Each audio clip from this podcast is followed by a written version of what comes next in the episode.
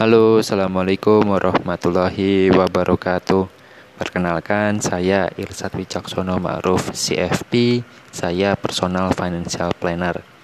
Pada podcast kali ini, saya akan membahas tentang dana darurat.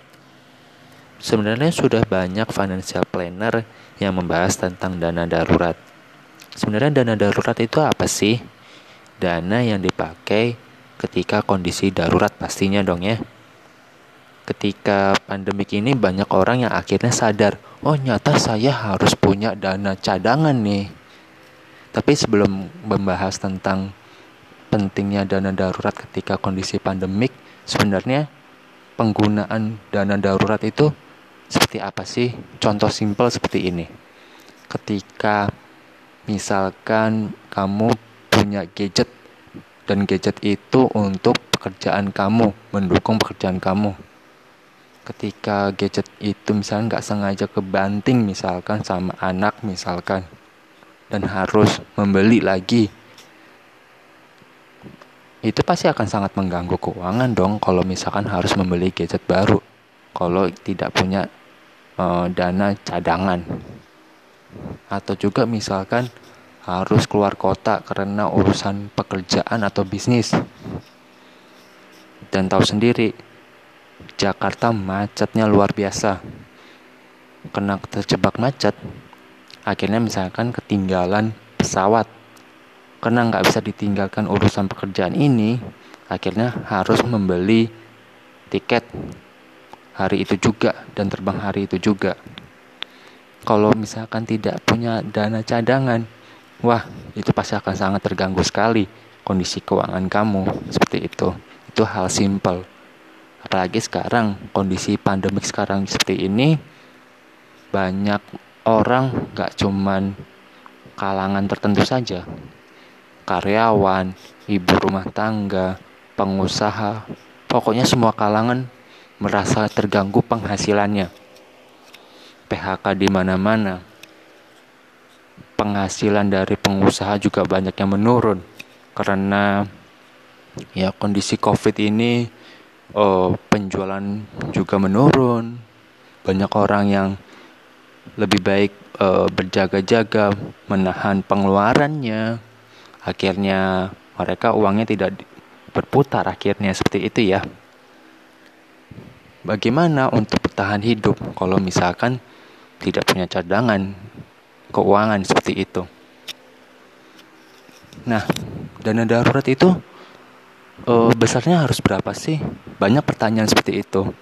Kalau kondisi pandemik seperti ini, saya sangat sarankan besarannya 6 sampai 12 kali. Entah itu dari pengeluaran atau dari penghasilan. Mana yang lebih besar bebas tidak ada masalah. Artinya apa 6 sampai 12 kali? Artinya adalah kamu bisa bertahan hidup tanpa peng penghasilan sama sekali antara 6 bulan sampai 12 bulan ke depan. Seperti itu.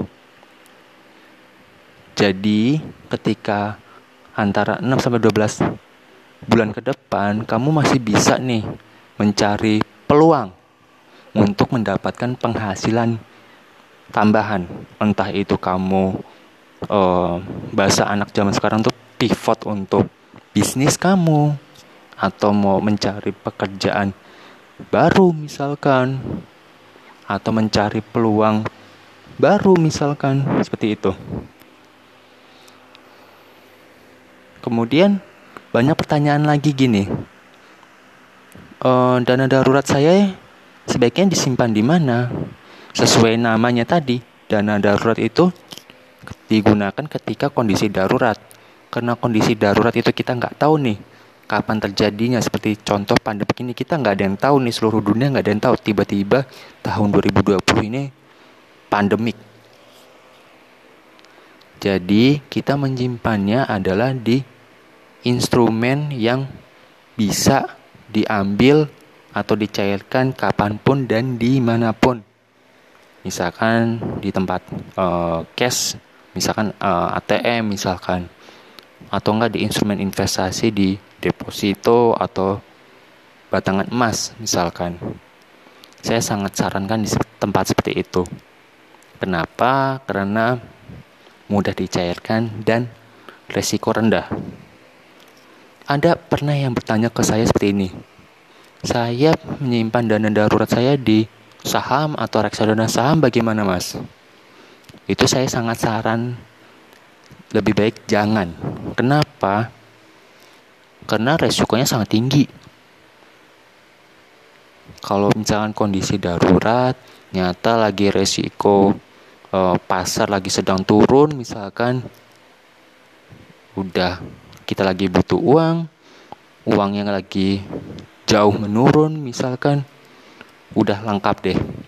Makanya saya sangat sarankan jangan masukin ke instrumen investasi yang resikonya tinggi seperti itu. Lalu eh, penggunaannya yang tepat tuh kapan sih? Saya sangat sarankan juga penggunaan atau pencairan dana darurat itu ketika kondisi darurat, bukan didaruratkan. Banyak orang yang uh, halu nih ketika misalkan terutama yang lagi belanja melihat produk keluaran terbaru karena supaya gengsi wah nih saya darurat ini. Itu saya sangat sarankan uh, jangan menggunakan dana darurat seperti itu. Kondisi darurat yang tadi misalkan uh, ada misal sakit dan tidak di apa ya tidak di cover oleh asuransi misalkan contoh biasanya uh, perawatan gigi tidak di cover sama asuransi itu makanya harus pakai penggunaan dana darurat. Karena biasanya kalau perawatan dokter gigi itu kan biasanya uh, lebih tinggi ya besar misalkan. Itu dan tidak di cover oleh asuransi kita bisa guna ini dana darurat seperti itu. Kemudian bisa ketika tadi uh, gadgetnya nggak sengaja kebanting dan itu uh, sangat penting untuk menunjang pekerjaan itu bisa menggunakan dana darurat. Dan perlu diingat, setelah menggunakan dana darurat, harus segera diisi kembali. Seperti itu. Misalkan tadi uh, harus enam kali, setelah dipakai ya harus dikembaliin lagi sampai enam kali. Tapi peng, uh, pengisiannya uh, jangan di jangan terpaksa ya dalam arti gini, jangan terlalu ngoyo. Jangan terlalu ngoyo, semampunya aja. Oh, misalkan dalam sebulan saya bisanya 10% ya nggak apa-apa. Nggak apa-apa. Masukin 10% 10% sampai terkumpul 6 kali uh, pengeluaran misalkan. Seperti itu. Oke untuk podcast kali ini terima kasih. Semoga bermanfaat. Wassalamualaikum warahmatullahi wabarakatuh